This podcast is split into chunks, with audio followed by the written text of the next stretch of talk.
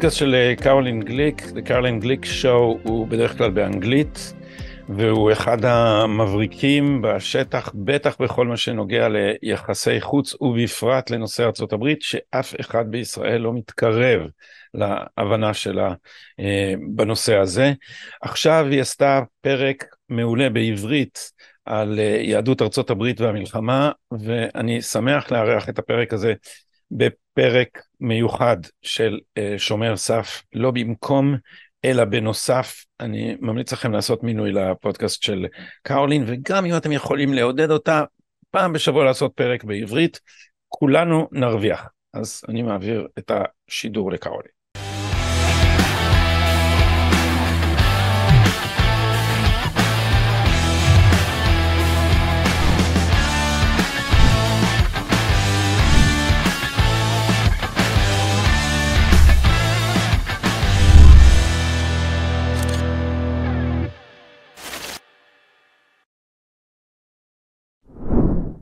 שלום לכם, שמי קרולין גליק סוויסה, אולי אתם מכירים אותי, קודם כל אתם קרולין גליק, אבל השם האמיתי הוא קרולין גליק סוויסה, ואתם מכירים אותי אולי בכל השעברים שלי, לשעבר ישראל היום, לשעבר מעריב, מקור ראשון, אני גם מבקרת מדי פעם באולפני ערוץ 14, סליחה.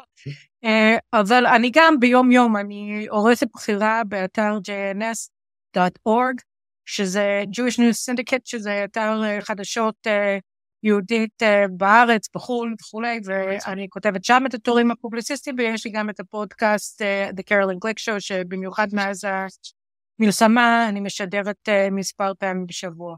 בכל מקרה, אני רציתי לעשות את התוכנית המיוחדת הזאת בעברית, כי אני רוצה לדבר על היבט מסוים של המלחמה, שפשוט לא בא לידי ביטוי בשיח פה, ואני רוצה מאוד להציף אותו. וההיבט הזה יש לו משמעויות אסטרטגיות, ערכיות, יהודיות וגם ציוניות, וההיבט ההוא הוא ההיבט הכלל יהודי, שבעצם זה לא רק ישראל שנמצאת תחת מתקפה, יהדות התפוצות נמצאת ביחד איתנו אה, במתקפה אה, על עצם הקיום שלה, על כל תפוצות אה, תבל וכל הקהילות ישראל בעולם. אנחנו רואים את זה ברוסיה, רואים את זה בדרום אפריקה, אנחנו רואים את זה באוסטרליה, אנחנו רואים את זה באירופה, בבריטניה, בדרום אמריקה, ואנחנו רואים את זה בקנדה ובארצות הברית. אני לא הולכת להתמקד בדברים שלי על יהדות ארצות הברית, אבל צריך להבין שבעצם התופעות שאני מתארת כאן, הן אה, משותפות לכולם, ואף אה, אה, באירופה וברוסיה המצב עוד יותר חמור, האמת, אבל הוא, הוא בעצם אותו מצב. עכשיו, מה, מה, למה בעצם? למ, למה זה קורה? וזה קורה, אנחנו רואים את זה בכל מערכות ישראל, שכל פעם שישראל תחת מתקפה, עוכרי ישראל יוצאים מכל מקום בעולם ותוקפים גם את היהודים, משום שמבחינתם אין הבדל בין יהודים בישראל ליהודים בברוקלין או בברקלי או בפריז. אז הם תוקפים יהודים באשר הם שם, כי בדיוק כמו שחמאס ואיראן ו... כל עוכרי ישראל במזרח התיכון הם ביחד, אז גם אה, הם ביחד עם ה... הם רואים את היהודים וכל היהודים בעצם ביחד. בעצם כל ישראל ערבים זה לזה, כי יש לנו גורל משותף, לא רק בגלל שאנחנו אחים, אלא בגלל שמה שקורה כאן קורה גם שם. אז זאת הסיבה שהם נמצאים תחת איום קיומי.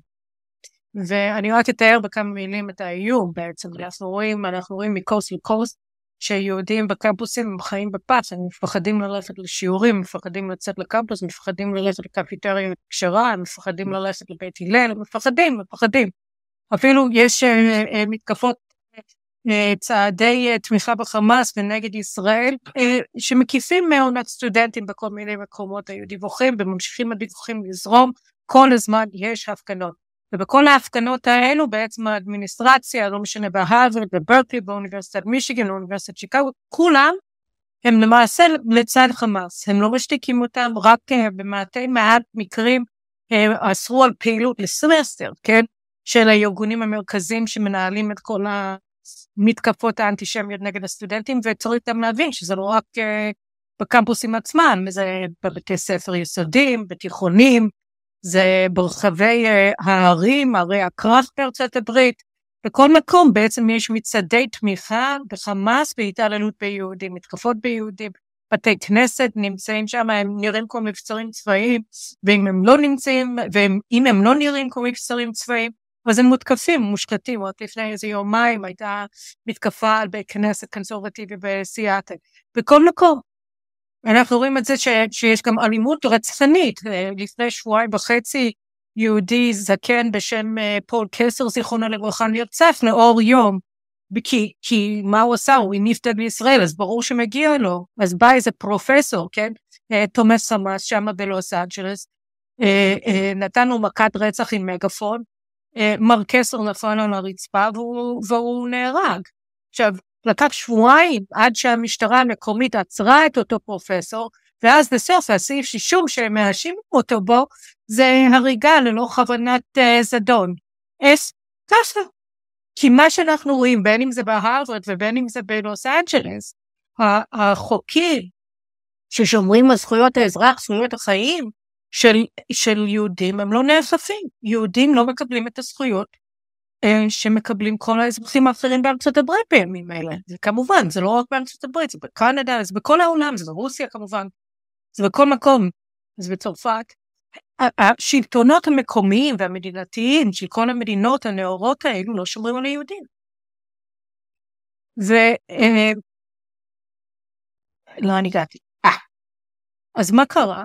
אז לפני שבוע וחצי הגיעו 300 אלף אנשים, כמעט כולם יהודים לוושינגטון, להפגנת התמיכה הגדולה בתולדות ישראל בארצות הברית. כן, 300 אלף בקירוב הגיעו לוושינגטון באמצע שבוע העבודה, הפסידו עבודה, הפסידו לימודים, עלו על מטוסים, כשעזלו הכרטיסים בטיסות רגילות, אז עשו צ'ארטרים כדי להגיע לוושינגטון, להתכנס אה, מחוץ לקונגרס או בין הקונגרס והבית הלבן, כדי להשמיע את קולם, כדי להישמע.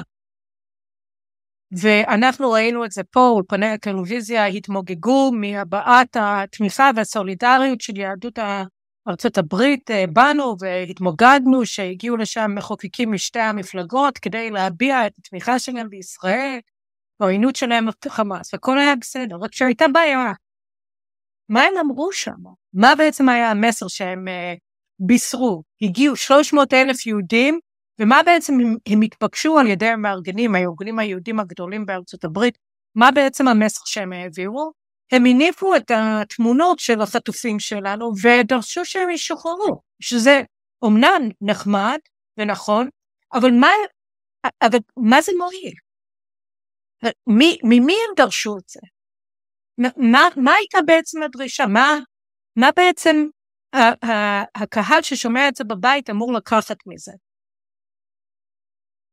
תכף נגיע לזה. קודם כל, אני רוצה לספר לכם על מאמר מאוד חשוב שכתבה ב-JNS השבוע חברה שלי אה, בשם לורי ריגן, שהיא פעילה מוצלחת וגדולה ומוכרת מאוד בארצות הברית בקרב יהודי ארצות הברית.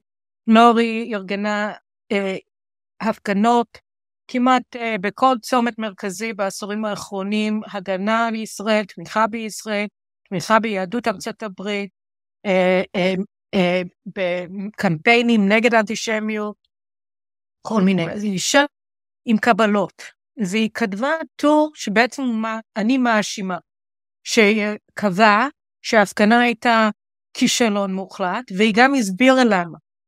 אז נורי אה, מינתה ארבע דברים, ארבעה דברים שהיהודים היו והיו צריכים לדרוש כשהם הגיעו לשם. הגיעו לשם להסתפר כי הם חיים בסכנה והם מרגישים את הסכנה והם במועקה כי הם תחת מתקפה, הם מבינים בקישקש שלהם, ממש עמוק בפנים, שיש לנו גורם משותף לכל עם ישראל והם באו להביע תמיכה בישראל אבל גם לתבוע תמיכה בישראל קרב הגוי שבו הם חיים, הגוי האמריקני. Okay. אוקיי, אז היא אמרה, היו ארבעה דברים קונקרטיים, או חמישה בעצם, דברים קונקרטיים שהם היו יכולים לדרוש, והם היו צריכים לדרוש. הדבר הראשון, הפסקת התמיכה באונר"א, ארגון האו"ם שמטפל בפליטים המזויפים הפלסטינים כבר 75 שנה. זה ראשון. עכשיו, למה זה חשוב? כי אם משהו נחשף מהתמרון הקרקעי שלנו בעזה, הפעם נחשף גם כן אה, ב-2014 בצוק איתן, שאונר"א וחמאס אחד הם. כל מתקני אונר"א בעזה משמשים את חמאס. כמעט כל העובדים באונר"א הם אנשי חמאס, כן? האינדוקטרינציה שעברו, שעוברים כל ילדי עזה, שמביאים למצב של חברה ג'יהאדיסטית אה, מגויסת להשמדת ישראל, זה הכל מאונר"א. זה הכל ספרי הלימוד, בתי הספר, הכל, זה ארגון טרור, זה חמאס. וארצות הברית מממנת את אונר"א מאז שג'ו ביידן נכנס לתפקיד במאות מיליוני דולרים כל שנה. אז הדרישה הזאת הייתה יכולה להיות אפקטיבית, שיש 300 אלף איש שמתכנסים מול גבעת הקפיטול והבית הלבן במול בוושינגטון, הם היו יכולים לדרוש את זה. דבר שני שהם היו יכולים לדרוש, והיו צריכים לדרוש, מלחמה נגד איראן. כן, בשישי לאוקטובר, יום לפני השחיטה הכי גדולה של יהודים מאז השואה, הממשל הפשיר שישה מיליארד דולר לאיראן, אה, שזה כספים קבועים בחשבון בקטאר. הממשל הפשיר, עכשיו באה הדרישה, אה, תקפיאו אותם מחדש. כן, בשביעי לאוקטובר, שמחת תורה, הממשל סירב. לא רק זה, ורק שתבינו, הם לא אמרו שום דבר בהפגנה הזאת נגד מדיניות המפייסת של ממשל ביידן כלפי אה, איראן. הם לא דרשו אכיפת הסנקציות על ייצוא הנפט האיראני לסין ולארצות אחרות שמביאים מיליארדי דולרים מדי, מדי, מדי שנה למשטר האייתולות. ובגלל ש... לא בגלל, אבל בזמן שלא לא, הייתה שום קריאה בוושינגטון להפסקת מדיניות המיטיבה עם איראן של הממשל, למחרת ההפגנה המשת... הממשל הודיע לקונגרס שהיא לא תאכוף את הסנקציות של ארצות הברית שהיא מחויבת להן נגד ייצוא הנפט של איראן, וזה מבטיח למשטר הזה עוד עשרה מיליארד דולר. למחרת ההפגנה הפרו-ישראלית הגדולה ביותר בתולדות מדינת ישראל בוושינגטון. דבר שלישי, סיוע צבאי. סיוע צבאי בהובלת הגאון הביטחוני שלנו, אהוד ברק, בשני הדורות האחרונים, המצביעים הביטחוניים שלנו בצה"ל אמרו, אומרים שהמשאב הביטחוני האסטרטגי החשוב ביותר של ישראל זה לא עוצמה שלנו, לא, לא, לא, זה תמיכה של ארצות הברית. שהערבות לקיום של ישראל זה תמיכה אמריקנית. וכתוצאה מהתפיסה הזאת, אני לא יודעת אם אפשר לכנות אותה ביטחונית, אני חושבת שהיא אנטי ביטחונית, אבל לא משנה.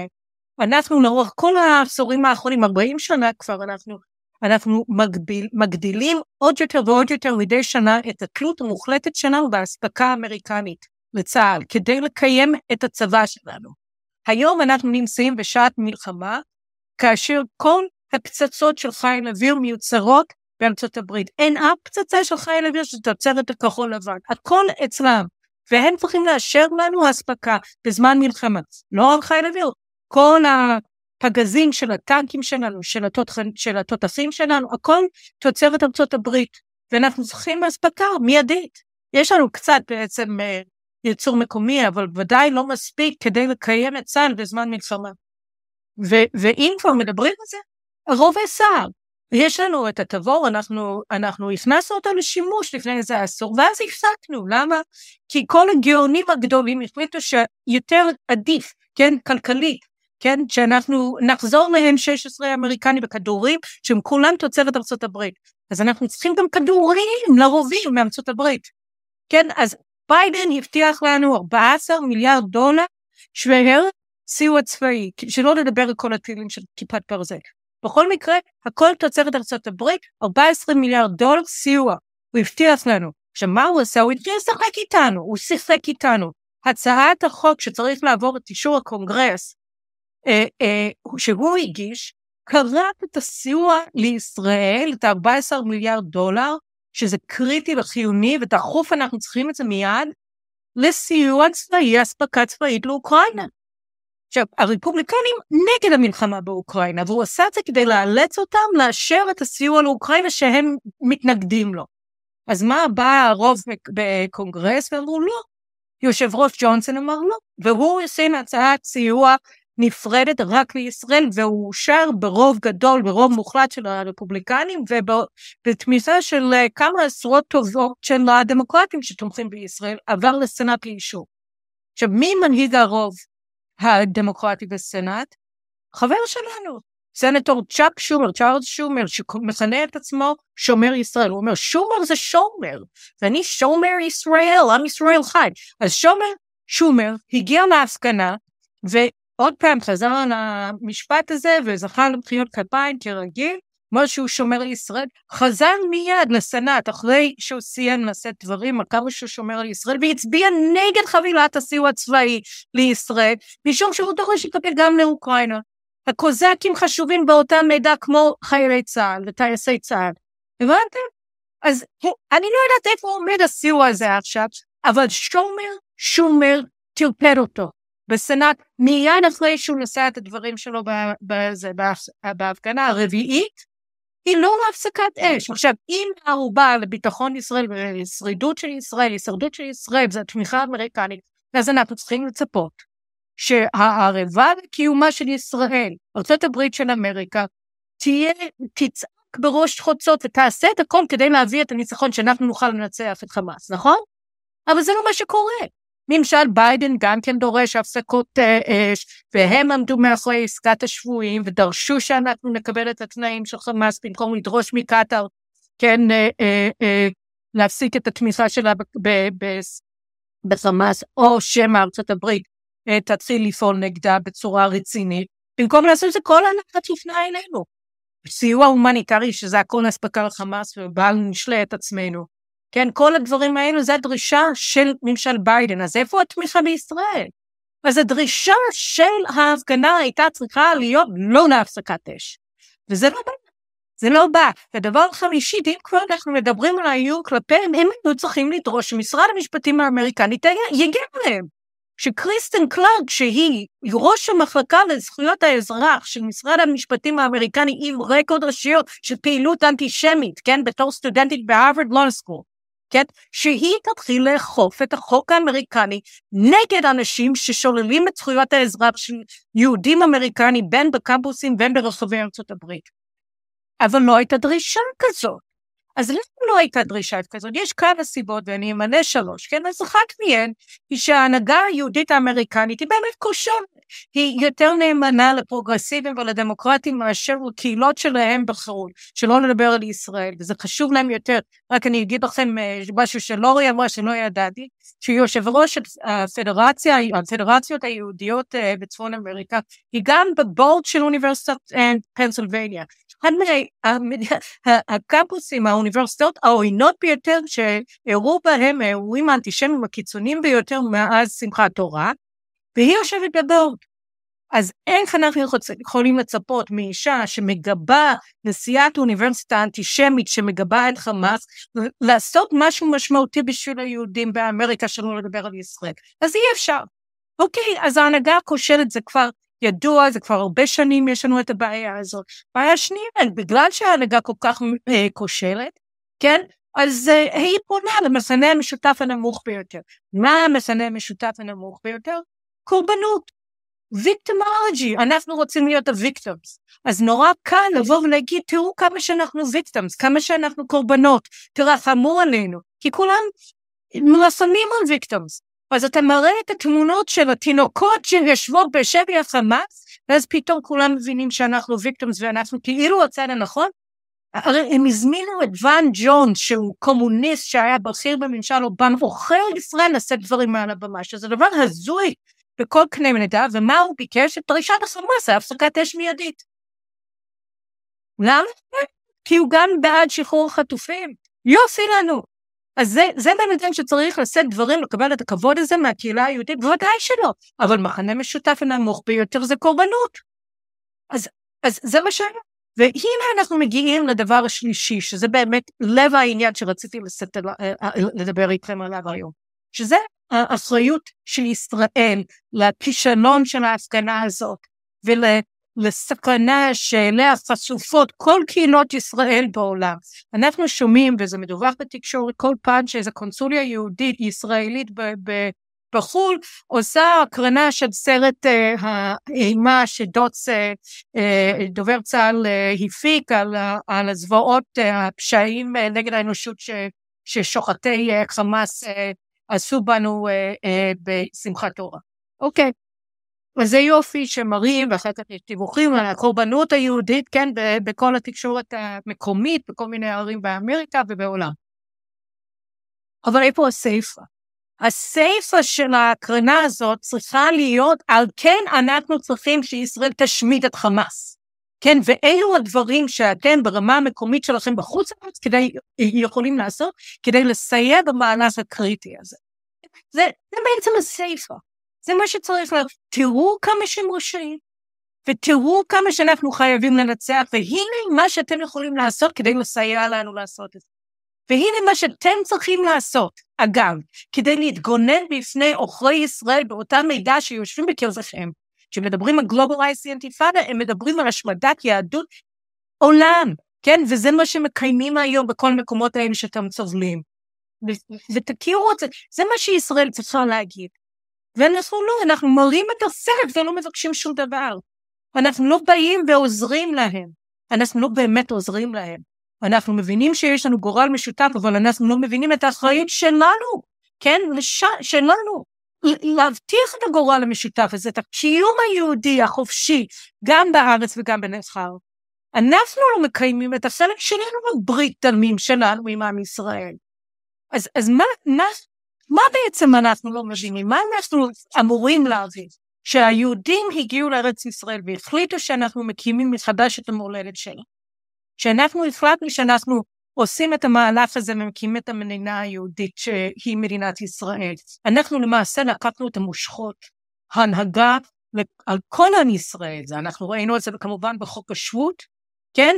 אבל אנחנו צריכים לראות את זה גם ביום יום, והטרללת שהתחילה בשנות ה-80, אנחנו באמת קיימנו את הדבר הזה, עזרנו ליהדות התפוצות להמשיך את היהדות שלהם, לקיים אותה, להיות קרובים לישראל, לראות את ישראל, את המרכז של הזהות היהודית שלהם, שמה, כן?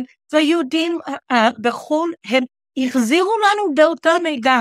כן, אני ב-91 עליתי לארץ והייתי חיילת בודדה.